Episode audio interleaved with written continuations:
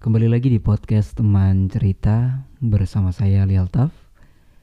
Pada kesempatan kali ini kembali saya akan ngobrol, tapi lebih tepatnya mungkin uh, akan mendengarkan cerita gitu ya. Dan ya tinggal saya bertanya-tanya sih nanti gitu. Langsung ya, disapa dulu ini. Assalamualaikum warahmatullahi wabarakatuh, Bek. Waalaikumsalam warahmatullahi wabarakatuh. Gimana kabarnya ini? Baik, baik, baik. Alhamdulillah baik. Selalu baik insya Allah. Storynya sempat ngikuti aku beberapa kali, bahkan beberapa hari terkait perjalanan kemarin di Gunung Lau. Keren. Iya, iya, iya. Itu kalau bisa kalau bisa diceritakan dimulai dari mana dulu ini Bebas. Bang Ali maunya aku cerita dari mana dulu ini? dari awal lah Entah dari rumah, entah mulai pendakian atau gimana. pertama adalah kenapa sih milih Gunung Lawu Eh, jadi gini bang, aku itu punya planning sama teman aku dari Banyuwangi, namanya Ali juga. oh gitu iya, namanya Abrar Ali. oh tapi bukan podcaster kan Emang anak gunung itu, oh anak gunung anak gunung banget. anak gunung bisa jadi nanti podcaster juga sih Iya. ya, terus terus Jadi aku kenal dia itu gara-gara aku rental alat sama dia. Jadi info nyewa alat, alat camping gitu. Ternyata adik kelas sendiri yang punya gitu, adik kelas kuman. hmm, hmm. Ya dari sana ngobrol aku cerita kalau aku itu suka daki tapi nggak punya temen. Hmm, hmm. Akhirnya ditawarin sama dia, ayo mas, awal tahun kita naik gitu.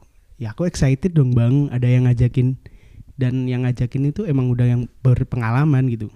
Hmm. Ah, rencana awal itu ke Gunung Merbabu. Gunung Hmm. Merbabu via Selo, bukan via Swanting.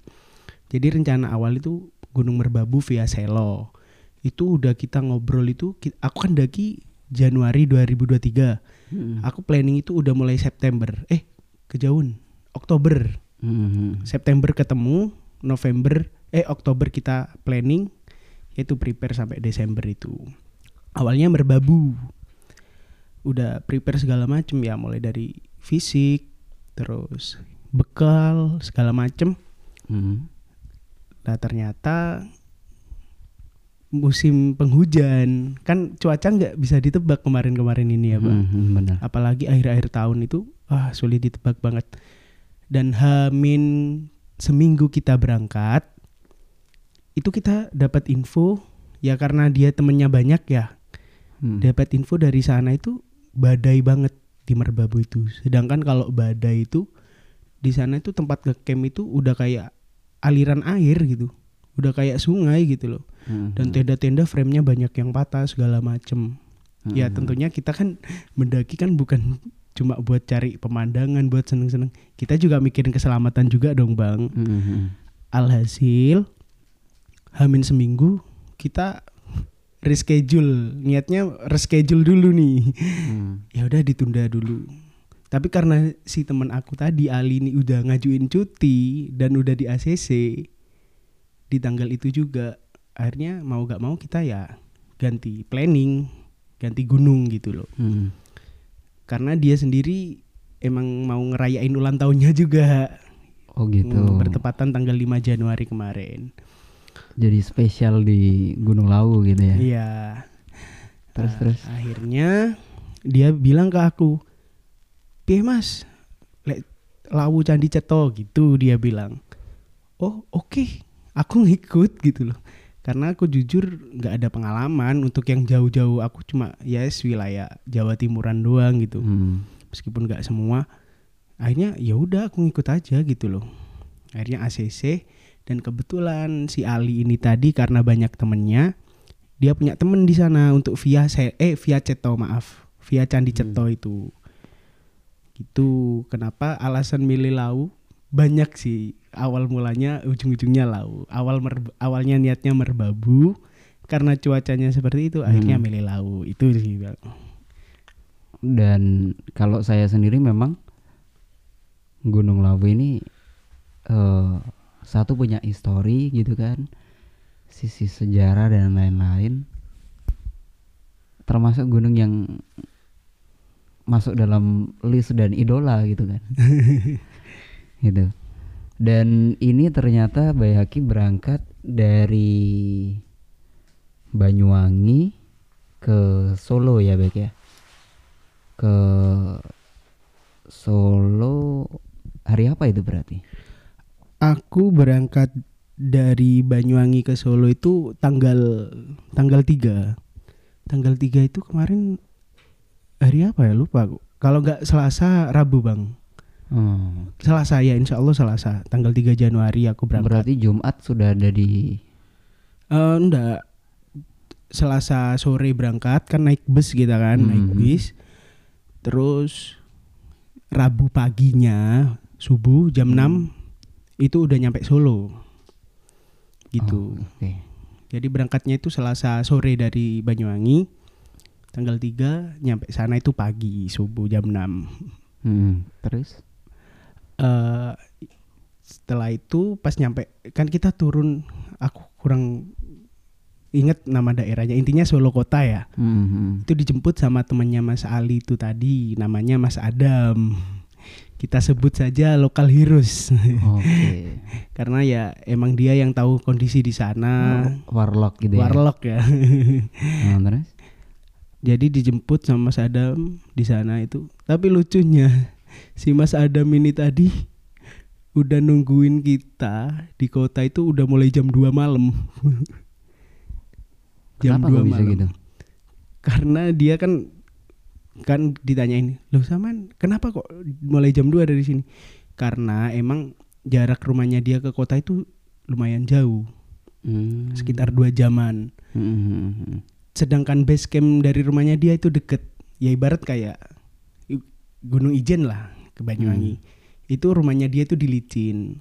Sedang jemput aku itu masih di daerah Wongsorjo sana. Kan lumayan dua jaman gitu. Memang dia itu warlock sana deket dari base camp Lau via Ceto itu tadi. Jadi nunggu Oh. kita itu mulai jam 2 sekalian habis nongkrong sama teman-temannya gitu. Hmm, hmm. ya tidur di depan mall itu deh. Sambil bawa mobil. Ya terus habis itu kita ah ya diajak sarapan dulu sama Mas Adam itu. Sarapannya itu ya lumayan excited banget sih. Aku aku baru kali itu sarapan di pinggir danau. Jadi di Danau. Solo itu ada tidak tahu aku lupa namanya bang. Jadi di Solo itu ada tempat spot di sana itu dan itu masih sepi banget tapi banyak warung. Depannya ini danau terus perbukitan belakangnya sendiri viewnya Gunung Lawu jadi Gunung Lawu itu kelihatan dari danau itu. Berarti itu bisa dikatakan lereng. tapi agak masuk kota sih. Oh. Belum dataran tinggi banget gitu Hmm, hmm, hmm. soalnya dari tempat aku jemput ke tempat makan itu cuma 15 menitan Oh. ha, ha, ha. Terus terus. gak terlalu jauh sih habis itu setelah sarapan segala macem kita lanjut ke base camp tapi Hmm. sebelum ke base camp kita mampir dulu ke pasar dan aku baru itu juga first time belanja di pasar dengan view pemandangan gunung gitu jadi ah ini baru pasarnya itu bener-bener di area lereng dah eh, udah deket-deket perbukitan gitu Hmm, hmm. jadi selain dingin di sana juga beda gitu yang jualan gitu. Biasanya kan orang di sini jualan pakai kaos, celana gitu. Di sana orang jualan di pasar itu pakai jaket semua gitu. Oh, Jadi mungkin itu juga hal yang baru buat aku. sebagai pasar untuk persediaan teman-teman yang mau naik ke gunung gitu ya. Iya iya benar-benar. Hmm. Jadi setelah kita belanja logistik segala macem, ya banyak lah mulai sayuran, ayam, tahu tempe, mewah lah pokoknya. Bagi kita mewah itu di gunung. Ayam itu berarti udah mati dong ya. Oh iya jelas. Ya kali di atas gunung kita nyembeli ayam. berarti nanti pas dimakan tiren itu. Mati kemarin. iya benar benar benar. Iya benar. terus benar terus. terus. Eh, ter- ini eh, biar Bayaki nggak apa istilahnya nggak tegang aja ceritanya. Iya nggak apa-apa. Ya Terus terus. disclaimer ya, mohon maaf kalau agak kaku soalnya ini first time juga cerita kayak gini. Hmm. Ya harap maklum buat yang dengerin. Ya Hmm. next time mungkin bisa diperbaikin lagi ya. Uh, setelah belanja kita OTW base camp. Ah. OTW base camp itu dianterin pakai mobil sama Mas Adam. Lah, oh ya belum anu ya. Jadi pendakian Gunung Lawu itu kita itu empat orang bang. genep ya. Iya, untungnya genep. Tiga cowok, satu cewek. Uh, dua cowok ini dari Banyuwangi, aku sama Ali itu tadi. Satunya Mas Adam dari Solo itu sendiri. Dan satunya namanya Auges, cewek dari Semarang. Dia sendiri. Sendirian naik motor dari Semarang ke base camp. Dan Auges ini tidak kenal sama Mas Adam. Jadi kita itu emang stranger banget di sana. Jadi, Oke. tiga orang ini temennya Mas Ali semua. Temennya Ali ini tadi. Ali yang dari Banyuwangi. Iya. Jadi aku temennya Ali, Mas Adam temennya Ali, Auges ini juga temennya Ali. Jadi aku, Mas Adam sama Auges ini emang stranger banget, orang Hmm. baru banget gitu. Hmm, hmm, hmm. Nah, si Auges ini tadi udah nunggu di base camp mulai semalam, mulai malam rebunya itu tadi. Ah, berangkat dari Semarang sore dia, itu disclaimer dia. Ya intinya empat orang, dua dari Banyuwangi, satu Warlock, satunya lagi dari Semarang. Semarang. Ya singkat cerita kita udah nyampe base camp, terus Mas Adam balik ke rumahnya buat naruh mobil, sama Hmm. ambil motor, sama carrier segala macem prepare-nya dia sendiri karena dia kan emang belum prepare sama sekali. Hmm. Ya namanya warlock ya bang, santai aja, gak kayak kita gitu lah. Kalau ada yang ketinggalan tinggal pulang gitu Iya. kan. Kalau Bayaki ada yang ketinggalan ya Pusing. pusing di sana. Ya, ah, singkatnya setelah kumpul semua, kita packing ulang segala macem, registrasi, bayar simaksi. Oh ya, for your information, jadi simaksi di Gunung Lawu itu per orangnya itu kena 20.000 ribu. Hari apa pun itu. Mohon maaf kalau itu saya kurang tahu juga sih. Pokoknya waktu itu 20.000 ribu ya. Ya intinya 20.000 ribu waktu itu saya weekday, Hmm. naiknya hari Rabu.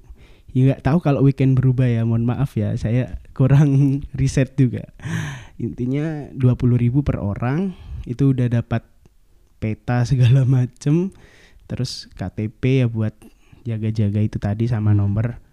Eh, setelah registrasi kita mulai trekking itu sekitar pukul setengah 12 siang. Jadi Hmm. trik-triknya nih bang. Tapi di sana yang namanya di gunung seterik apa pun ya tetap dingin. Hmm. Dan kebetulan alhamdulillahnya kita dari base camp itu dikasih cerah. Hah. Trekking lah kita mulai setengah 12 itu. Kurang lebih jalan satu jaman kita nyampe di pos 1. Pos 1 lah di pos 1 ini cuacanya itu udah mulai gerimis. Hmm. udah mulai gerimis tapi nggak hujan-hujan banget intinya cuacanya gerimis terus kita istirahat sejenak ya biasalah nyebat karena kita pada saat itu tagline-nya itu pendakian lawu santuy Oh gitu. jadi nggak apa ada ya tagline-nya ya guys ya. Iya nggak apa ya nggak ya expert expert banget lah mengingat aku Hmm. sendiri yang masih pemula ini dan aku ya bilang juga sama teman-teman maaf kalau barangkali nanti di jalan aku ngerepotin tapi aku berusaha untuk gak ngerepotin ya maksudnya Hmm. ngerepotin ngehambat perjalanan mereka yang udah biasa itu tadi Hmm. gitu aku udah bilang sama teman-teman salutnya lagi sama mereka itu mereka nggak apa ya nggak punya pikiran ala lu baru naik gunung segini segala macam nggak ada mereka itu semuanya itu ya enak aja gitu Hmm. orang-orangnya enjoy santai mas santai gitu semua Uh, singkatnya setelah kita istirahat kita itu lanjut ke pos 2 ke pos Brakseng namanya di Hmm. ketinggian kurang lebih 1906 mdpl Hmm. perjalanan dari pos 1 ke pos 2 ini gak cukup lama sih. Cuma satu setengah jam perjalanan. Ya sa- balik lagi. Yang namanya di alam cuaca itu nggak bisa ditebak. Dan aku pernah denger orang bilang jadi gunung itu kayak cewek.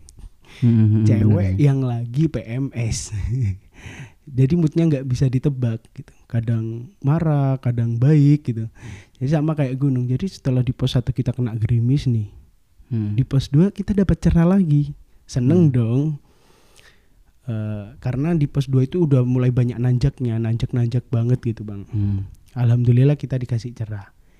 Lanjut lagi perjalanan ke pos 3 Ah, di pos 3 ini kita nyampe kurang lebih sekitar pukul 3 ya tiga setengah empatan gitulah Hmm.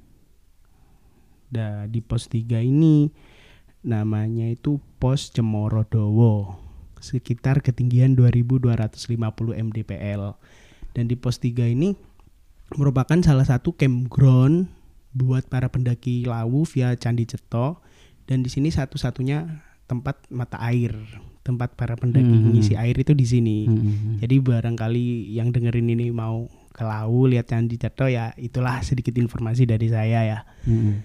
jadi di pos 3 ini tempat campground. Banyak banget yang ngecamp di sana. Dan pas di pos 3 ini jujur Bang, itu udah yang awalnya cerah hujan lagi. Kabut, Hmm. angin kenceng. Jadi banyak pendaki. Semakin ekstrim gitu ya. Iya, banyak pendaki yang mutusin buat ngecamp di sana karena hari udah makin sore, udah jam 4-an. Hmm. Lah dan perlu kalian ketahui bahwasanya di pos 3 ini juga ada warung. Informasi dari Mas Adam kan kita di bawah tadi diskusi gimana kalau kita bungkus nasi nanti pas di pos 3 kita makan. Itu bukan Yem ya tapi ya. Bukan, Mbok Yum oh, Ma- itu paling tinggi, tinggi lagi. banget. tuh. Hmm. Eh, kata Mas Adam di pos 3 ini ada warung jadi nggak perlu bungkus nasi. Ya oke lah. Tapi lagi-lagi kita dipatahkan oleh ekspektasi kita sendiri. warung di pos 3 itu tutup dan cuma satu itu doang warungnya. Hmm. Alhasil karena kita takut kehabisan tenaga, takut capek banget, Hmm. kita mutusin buat masak di sana. Gak ngecamp loh bang, cuma masak doang, ngeluarin Hmm. kompor, nesting segala macam logistik. Setelah masak segala macam, makan kenyang, hujan hujannya udah mulai reda, cerah lagi nih. Nah, Hmm. setelah kita beres packing, mau berangkat lagi, baru ke baru beberapa langkah gerimis lagi. Tapi itu gerimis yang nggak memungkinkan kita nggak usah pakai jas hujan gitu loh, masih Hmm. aman lah gerimis ringan. Dan trek dari pos 3 ke pos 4 ini full banyak tangga, ya nggak full sih, didominasi tangga. 50% tangga. Tangga bebatuan. Dan itu ya mungkin ini bagi saya ya, bagi saya dan teman-teman yang pada saat itu trek tangga itu sungguh menguras tenaga sekali. Saya lebih baik dikasih tanjakan tapi lan apa tapi rata daripada Hmm. harus tangga. Karena tangga itu emang kaki sih yang kena. Habis itu singkat cerita, setelah kita berjalan beberapa lama dan di pertengahan jalan tuh hujan lagi lebat dan mau gak mau kita pakai jas hujan. Kita pakai jas hujan dan nyampe di pos 4 pos penggik namanya di ketinggian 2550 mdpl Hmm. itu deres banget bang dan kita sampai sana itu sekitar pukul setengah tujuh isya Hmm. ya udah isya kan ya setengah tujuh itu ya Iya kayaknya. ya udah kalut sudah pokoknya hujan gelap angin kenceng gitu Hmm. kabut gitu segala macem nah di sana itu dan perlu diketahui bahwasanya tiap-tiap pos itu ada shelternya Hmm. Nah kebetulan kita pas di situ itu di shelter pos 4 itu udah ada pendaki dari Bekasi kurang lebih 7 apa 6 orang kemarin itu ya. Kita numpang hiup juga di sana, numpang meneduh. Eh, Kita tanya-tanya ke teman-teman yang Bekasi itu. "Ken- Kenapa kok milih ngecamp sini? Karena udah gak sanggup. Cuaca Hmm. yang semakin memburuk, mungkin kelelahan juga dan salah satu teman dari mereka itu ada yang hampir kena hipo. Hmm. Jadi kita lihat di sana itu di pojokan ada mas-mas yang udah pakai SB terus pakai emergency blanket segala macem Hmm. dikasih penghangat karena itu emang udah hampir hipo orangnya. Jadi mereka satu tim itu mutusin buat ngecamp di sana padahal di sana nggak ada campgroundnya cuma shelter itu tok Hmm. jadi shelter itu dikasih apa flash sama mereka ditutupin segala macam kita di sana cuma istirahat sebentar. Tapi jujur pada saat itu perasaan aku itu udah kalang kabut udah campur aduk gitu loh bang. Capek. Pokoknya pusing gitu dingin gitu. Dan sepanjang jalan dari pos 3 sampai pos 4 itu aku ngerasain banyak hal. Hmm. aku selama di lau itu aku dipanggil-panggil ngerasa ada yang manggil aku Jadi- Manggilnya nama apa? nama mulai dari naik Jarak jauh apa jarak pendek? rasanya itu deket banget Hmm. Berarti jauh ya. Mm, dah tapi Biasanya kan gitu. oh iya iya iya mitosnya kayak gitu sih ya tapi ya jujur aku orangnya itu bukannya nggak percaya sama yang gituan. Aku percaya tapi aku lebih ke kayak bodoh amat gitu. Karena bagi aku oke kita hidup di dunia yang sama cuman kita beda alam. Hmm, hmm, hmm, hmm. atmosfer kita beda gitu. Aku Hmm. mikirnya penting aku di sini nggak niat ganggu kamu udah selesai. Hmm. penting aku sopan kamu aku tamu udah. Gitu doang prinsip aku. Maksudnya aku nggak sampai oh ini nanti ada suara ini ini pasti hantu ini enggak aku nggak Hmm. pernah mikir kayak gitu aku Hmm. selalu Itu kucing itu yang di Heeh, aku selalu Di luar mikir itu. aku selalu mikir ya udahlah barangkali suara air kan soalnya kan suara angin kalau di gunung itu saking kencengnya itu kalau aliran air Hmm. terus ada pipa-pipa yang kena angin kan kayak pengalamanku di Ranti itu kena pipa-pipa yang agak kebuka kena kan itu suaranya kayak hu gitu Hmm, kayak nyu- nyuling gitu ya. Heeh. Ya, jadi aku selalu mikir positif aja. Tapi pas perjalanan itu aku memang bener-bener kayak dipanggil gitu. Dan mereka tahu nama aku itu Baihaki. Dan otomatis dan dari base camp sampai selama perjalanan mereka nyanggil aku Bai semua. Termasuk si Hmm. Ali itu tadi Mas Bai. Dia manggil aku Mas Bai. Tapi yang memanggil aku itu rasanya itu Kiki manggil Kiki sedangkan Kiki itu orang-orang rumah aja yang manggil Hmm, tetangga aku aja gitu Orang rumah lah ya istilahnya. Terus? ya aku pada saat itu cuma mikirnya alah suara burung ini kan karena di Lawu kan emang terkenal banyak jalaknya Tapi Jalak burung bisa nggak? ya aku positif thinking aja gitu bang soalnya itu Iya, pertama iya. Ha. karena aku kan ngalaminya dua pas turun nanti Hmm. ini pas naik aku biasa aja alah suara burung gitu Hmm. dan aku pada saat itu nggak nggak cerita posisinya itu Mas Adam di depan sebagai navi kedua itu Auges si cewek aku ketiga yang belakang Ali sebagai sweeper Hmm. Nah, di pos 4 itu jujur aku kayak udah mau nyerah gitu udah capek segala macem dan kayak gak sanggup lihat cuaca yang kayak gitu Hmm. tapi hebatnya teman-teman aku pada saat itu itu mereka itu mampu kayak apa ya ngasih imun tersendiri gitu loh. Hmm. mulai dari bercandaannya terus ngobrolnya segala macam. Si Mas Adam cuma santai. Ayo lanjut wes camp di pos 5 karena Hmm. campgroundnya itu pos 3 sampai pos 5 aku diem aku gak jawab iya dan gak jawab enggak karena di pikiran aku duh aku nyerah aku di sini aja wes gak apa-apa sendirian sama teman-teman. Gitu bang. Hmm. tapi karena aku lihat semangatnya mereka antusiasismenya mereka gitu. Akhirnya aku tergugah. Oh iya ya masa aku cuma sampai gini aja udah nyerah baru ketinggian berapa MDPL gitu. Hmm. dan itu baru pertama kali aku eh apa ya berusaha ngalahin diri aku sendiri.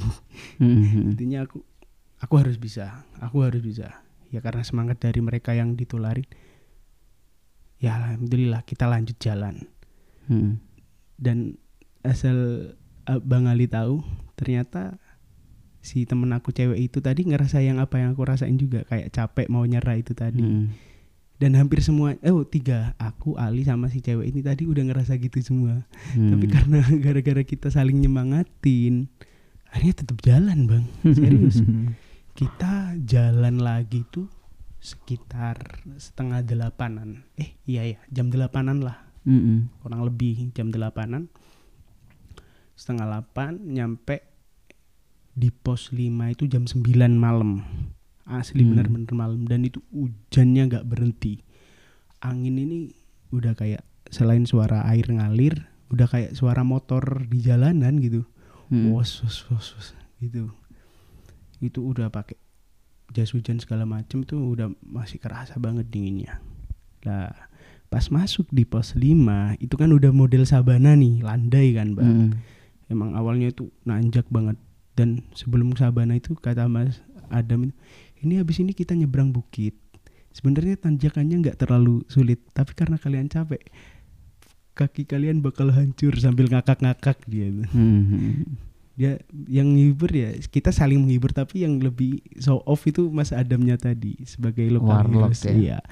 dia dengan santai nyanyi-nyanyi sepanjang jalan padahal udah malam itu bang Hmm. jujur udah malam dia nyanyi-nyanyi ya anak indie banget dan lagunya lagu-lagu indie semua ayo kawan kita berjalan gitu pokoknya dia sambil berpuisi segala macam ya itu yang buat aku kayak nggak ngerasa capek itu ya Hmm. teman-teman sih support system lah pada saat itu pas sampai di Sabana lah itu aku ngerasain lagi hal-hal yang nggak diinginkan Hmm. jadi pas baru masuk Sabana itu kayak ada yang nyambut gitu bang. Dan aku sempat lihat juga yang nyambut itu tadi. Maksudnya gimana itu? Ya ada sosok lah. Tapi aku bersyukur, maksudnya bersyukur punya penglihatan yang kurang. Maksudnya akan aku minus mataku. Jadi agak terang-terang. Aku bersyukur dong, gak jelas-jelas banget. Hmm. Jadi Sabana itu kan luas tengah gini dan samping-sampingnya itu kayak lereng gitu. Jadi Hmm. bentuk huruf U gitu. Ya. Kita di tengah-tengahnya huruf U itu tadi. Dan banyak cemaranya di sana. Hmm. Cemara apa gitu namanya kalau di sana itu pohonnya itu. Ya pas di pohon itu ada besar banget putih. Tapi gak jelas itu apa Hmm. karena udah ketutupan kabut. Kabut banget itu. Aku cuma kelihatan. Oh ya wes. Lah dalam hati kulon nuwun, nun sewu segala Hmm. macem. Dan aku nggak berani cerita. Ternyata yang diliatin itu aku, Mas Adam sama Mas Ali. Oh. Kita tiga-tiganya lihat dan yang berani speak up siapa? Tetap Mas Adam Itu ngomongnya waktu di udah- tenda. Oh di tenda. Jadi setelah kita cari camping ground yang sekiranya aman dari angin nih, kan Hmm. Mas Adam yang tahu itu semua kan. Kita diriin tenda di tengah hujan itu kita diriin tenda, flysheet segala macem, buru-buru ganti baju, nyopot sepatu, masuk ke tenda. Niatnya aku ekspektasi aku aku udahlah langsung tidur. Ternyata si Mas Adam ini tadi bilang, ah kita disambut tadi sambil ketawa santai dia. Wah kita disambut ya tadi apa gara-gara kita satu-satunya ah kita satu-satunya yang ngecamp di pos 5 Hmm. karena semuanya pada ngecamp di pos 3 dan pos 4 tadi karena udah gak sanggup jalan tadi Hmm. dengan santainya Mas Adam ketawa-ketawa ngomong aku cuma bilang anjir kirain aku doang gitu yang diliatin. Terus Mas Adam mastiin sama aku kalau aku Hmm. diliatin apa ndak? Aku bilang iya mas. Yo santai gitu kan Hmm. itu baik gitu katanya. Itu cuma nyambut kita. Tapi Hmm. ya anda warlock bisa santai. Saya agak kurang kalau suruh santai ya bang. Hmm. Eh, singkatnya ya udahlah kita tetap kembali ke prinsip awal kita di sini tamu kita tetap jaga sopan santun ya udah mereka nggak bakalan marah gitu. Kalau aku sih prinsipnya kayak gitu sih. Singkat cerita kita tidur. Kita nggak makan malam itu. Karena jujur Udah capek. capek. Dan aku gara-gara abis lihat itu kayak gak mood udah bang. Rokokan aja gak mood. Tapi kenapa sih Mas Adam dengan santainya masuk sleeping bag dengan ngomong kita disambut tadi sambil ketawa-ketawa Hmm. aku diem gak mood segala macem mikir yang enggak enggak udah memang bahkan mau rokokan aja udah gak mood tapi karena ya yes, ada orang-orang tadi teman-teman aku yang keren-keren tadi tuh akhirnya aku bisa tidur Hmm. Nah, terencana kita itu bangun sekitar jam 3 masak, makan terus summit. Summit Ah. sekitar jam 4 ya mau bersandres lah biasa. Hmm. Ya lagi-lagi nggak sesuai ekspektasi nih bang. Kan ah, gini-gini. mundur ya ceritanya rencananya kita itu cuma dua hari satu malam tapi pas ngisi simaksi kita itu tiga hari dua malam buat katanya mas gay- buat jaga-jaga kita ngisi tiga hari dua malam jangan Hmm. dua hari satu malam perihal nanti kita di atas dua hari satu malam nggak masalah gitu Hmm. daripada ngisinya kurang ternyata lebih Oke. Hmm. ya ternyata pas jam 3 itu alarm udah bunyi semua pada ngal- pasang alarm kan hujannya ini tambah lebat tambah deres anginnya tambah deres segala Hmm. macem jadi mau keluar tenda itu udah nggak mungkin gitu akhirnya ya udahlah kita tidur aja nggak usah masak bangun itu sekitar jam 7 saking kabutnya saking badainya itu jam 7 itu masih kayak jam 5 di sini gitu Hmm. masih apa sekarang orang Banyuwangi surup Hmm. Peteng lah. masih gelap banget gitu bang Hmm. dan itu aku "Ah, ini baru ngerasain yang badai kayak gini akhirnya ya udah kita nggak jadi summit subuh nunggu cuaca terang sekitar jam delapanan kita baru bisa keluar tenda jam 8 pagi itu ya biasa nikmatin pemandangan. Ya alhamdulillah sabananya sumpah cantik kali. Meskipun kabut itu cantik bang. Bikin betah. Hmm. ya ngopi rokokan segala macem terus jemur jemur baju. Semuanya dijemur di luar kita buat tempat jemuran itu pakai tali flysheet segala macem. Habis itu kita masak. Masak itu sekitar jam 9 masak Hmm. nasi semua lah segala macem. Tempe goreng. Banyak udah Nah, setelah masak kita makan banyak pendaki-pendaki yang dari pos 3 dan pos 4 tadi itu mulai naik mulai summit sekitar jam 9 jam 10-an itu Hmm. dan pendaki yang dari pos 4 tadi yang mas-mas Bekasi itu lewat juga kita tanya mas summit mas enggak mau pindah tempat camp Hmm. jadi di sana itu pos 5 itu namanya bulak peperangan Iya, iya. depannya lagi ada sabana namanya Gupakan Menjangan. Itu Mm. tempat favorit orang ngecamp. Tapi Iya. kenapa kita semalam nggak ngecamp di Gupakan Menjangan? Kata Mas Adam anginnya di sana jauh lebih kenceng karena terbuka. Nggak ada yang Hmm. bisa ngalangin. Dan mas-mas Bekasi ini udah dibilangin sama Mas Adam Mas kalau ngecamp sini aja jangan di Gupak anginnya kenceng. Ya nyoba dulu katanya. Nyoba dapat 10 menit mereka balik lagi dengan eteng-eteng inner sama outer tenda itu. Iya mas kenceng. Akhirnya kata mas Adam udah ini tak pilihin tempat dipilihin lah di sana. Setelah makan segala macem kita nyantai nikmatin pemandangan foto. Gak tahu itu kita nggak ada kepikiran summit sama sekali bang jujur. Hmm. karena kita ya udahlah nyantai aja nikmatin ini. Karena jam 12-an itu udah agak mulai terang memungkinkan buat summit kita summit jam 12 siang. Hmm. kita summit itu jam 12 siang. Di perjalanan summit kata Mas Adam ini informasinya kalau dari pos 5 ke puncak kurang lebih tiga jam setengah tiga jam Hmm. lebih lah. Oke kita summit sekitar jam ti- 12 siang. Sampai gupakan menjangan. Itu sumpah viewnya makanya di, itu jadi tempat kami favorit viewnya. Bikin betah pokoknya dengan hamparan sabana Uh, singkatnya setelah kita lewat Gupa mau naik sedikit uh, kita sampai di Pasar Dieng Bang Ali tentu tahu dong Pasar Dieng dong Tahu lah. yang dikenal sebagai pasar setan itu Hmm. tapi jujur ya aku bukan apa ya bukan bikin cerita ini emang aku ngerasain sendiri A- awalnya kan denger cerita orang Hmm. ah masa sih kayak pasar beneran jadi di sana vibe-nya yang emang beda itu aku pas masuk pos 5 malam sama di pasar Dieng selebihnya itu alhamdulillah aman Hmm. pas nyampe pasar Dieng itu aku inget omongan temen aku jadi aku punya temen di Jember namanya Mas Abu Hmm. itu profesional banget udah pengalamannya banyak daki saking dia sekarang udah agak ngurangin Hmm. karena sibuk bekerja ya. Jadi Mas Abu pesen nggak aku, kamu kalau emang naik lau, coba pas nyampe Dieng, kamu duduk sana sebentar, sekitar satu menitan, rasain. Lah aku yang nggak terlalu percaya ya, wah kenapa emang Mas ada apa? Udah rasain aja gitu. Hmm. pas nyampe ke pasar Dieng itu kabut bang Hmm. kabut tebel dan aku nyoba omongannya teman aku itu tadi aku duduk di sana sebentar dan aku bilang teman-teman bentar rek istirahat bentar aku duduk sama sender ke trekking pole gini teng dan ternyata emang bang maksudnya emang itu rasanya itu gini loh bang Ali pernah ke pasar kan Hmm. rame kan ada Hmm. yang suara motor ada suara orang jualan ada orang jalan kaki gitu.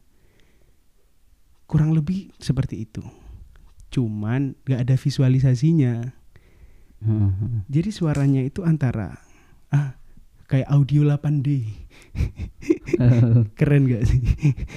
Kan kalau Iya, audio iya. 8D kayak masuk ke telinga kanan keluar telinga kiri nasi masuk lagi. Kayak Ah. gitu seliweran tapi tipis banget tipis banget. Dan aku gak sampai satu menit udah cabut. Paling 30 detikan. Oh iya nggak bisa diterusin ini. Aku jalan tetap permisi kita di sana. Dan sedikit informasi kata Mas Adam emang di pasar Dieng ini banyak orang yang tersesat Hmm. tapi bukan disesatkan oleh setan loh ya karena di sana itu emang jalannya rata bang maksudnya rata itu di sana itu pasar Dieng itu full Batu. bebatuan Hmm. dan batunya itu kayak disusun gitu loh Hmm. dan gak ada jalur trekkingnya ada tapi rata rata. Maksudnya sama semua. Sejauh mata memandang itu sama semua. Jadi kalau emang navigatornya kurang bener tersesat sih. Apalagi situasi kayak kita kemarin kabut gitu. Hmm. soalnya orang kalau tersesat kan makin jauh makin jauh dari jalur bingung keluar pada akhirnya akhirnya jatuh narasinya disesatkan oleh setan Padahal yang sebenarnya terjadi bukan disesatkan oleh setan, cuma mikirnya aja yang keliru.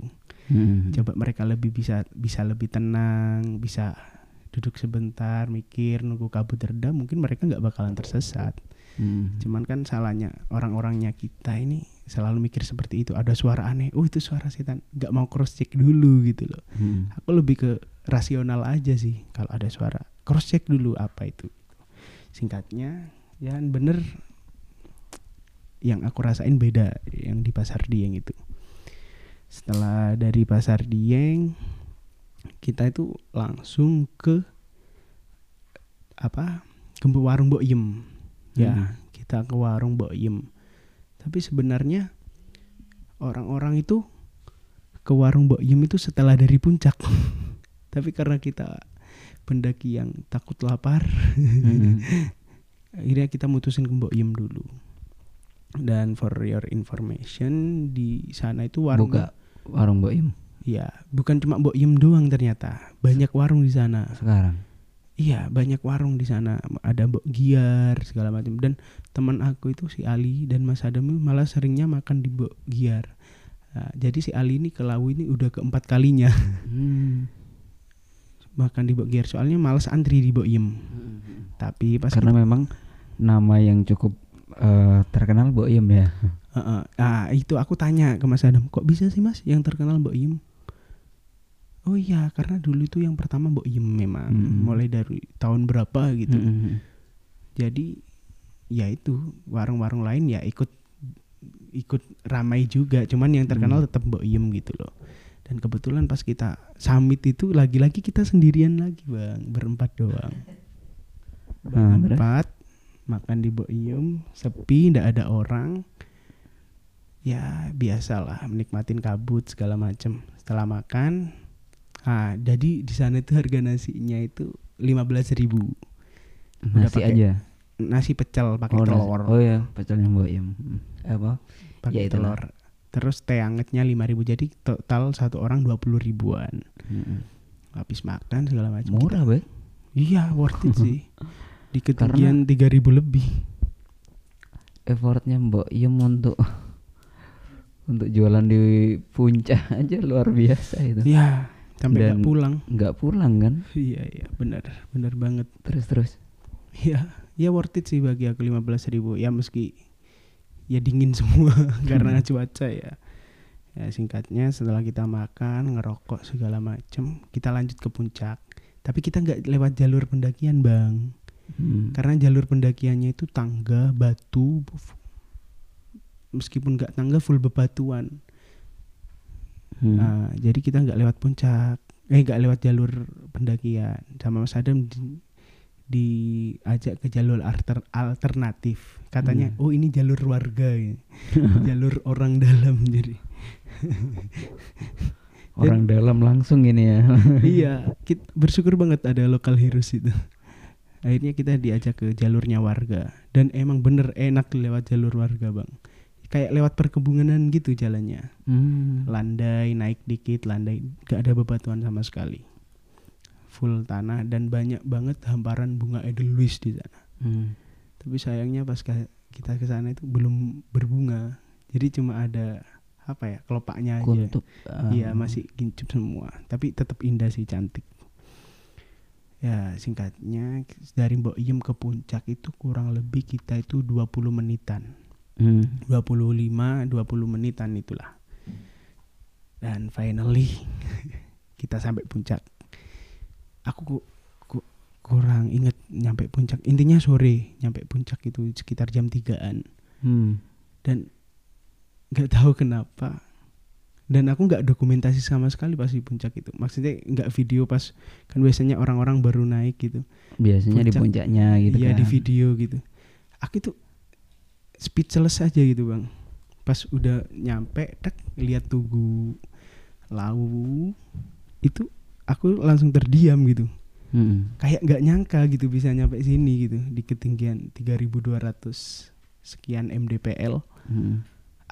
diem gitu Hah? beneran tak aku nyampe sini dan nggak kerasa itu aku nangis jujur nangis aku di atas saksinya Hmm. teman-teman aku dan si Ali ini tadi kan karena dia ngevlog gitu yang ngerekam gini dia datang gini sambil ngerangkul aku. Dan dia nangis juga gitu. Aku nangis juga bang. Padahal si Ali ini udah keempat kalinya. Hmm. tapi tetap feelnya itu sumpah aku nggak bisa jelasin. Mungkin aku ya aku kemarin nulis di Instagram segala macam pakai kata-kata aku biasalah. Pakai kata-kata. Mungkin kesannya alay ya Hmm. yang sampai meneteskan air mata. Nah, tapi emang itu yang aku rasain. Bahkan mungkin lebih alay dari tulisan itu tadi. Hmm. Apa apa itu yang dirasakan? Mungkin kebanggaan kah, haru kah atau apa? campur sih lebih ke terharu sih. Kan terharu kan campur aduk seneng sedih bangga lebih campur aduk. Maksudnya sedihnya aku ini capek aku ini lelah dari bawah ke sini. Tapi seneng aja gitu kok. Se- senengnya itu Ternyata perjuangannya ah, nggak sia-sia gitu ya. Dalam satu dalam satu waktu aku bisa ngalahin diri aku sendiri sekaligus memenangkan diri aku sendiri maksudnya ngalahin itu aku bisa ngalahin ego aku bisa ngalahin fisik aku yang kurang gitu maksud kekuatan fisik aku tapi satu sisi aku juga bisa memenangkan keinginan diri aku itu tadi Hmm. jadi haru banget gitu bang diam gitu. kayak tanya sama diri sendiri bener tak aku nyampe sini terharu intinya terharu banget kayak Waktu nggak itu nggak minta. Dicubit nggak? enggak sih kayak mimpi gitu Ini Nggak. mimpi nggak sih? Enggak. dan aku baru sadar pas turun itu alah aku kok nggak video tadi ya pas baru nyampe puncak Hmm. saking excited dan speechlessnya banget itu tadi Hmm. sumpah euforianya itu kayak Berapa lama itu eh, berdiam di, Di pun- puncak?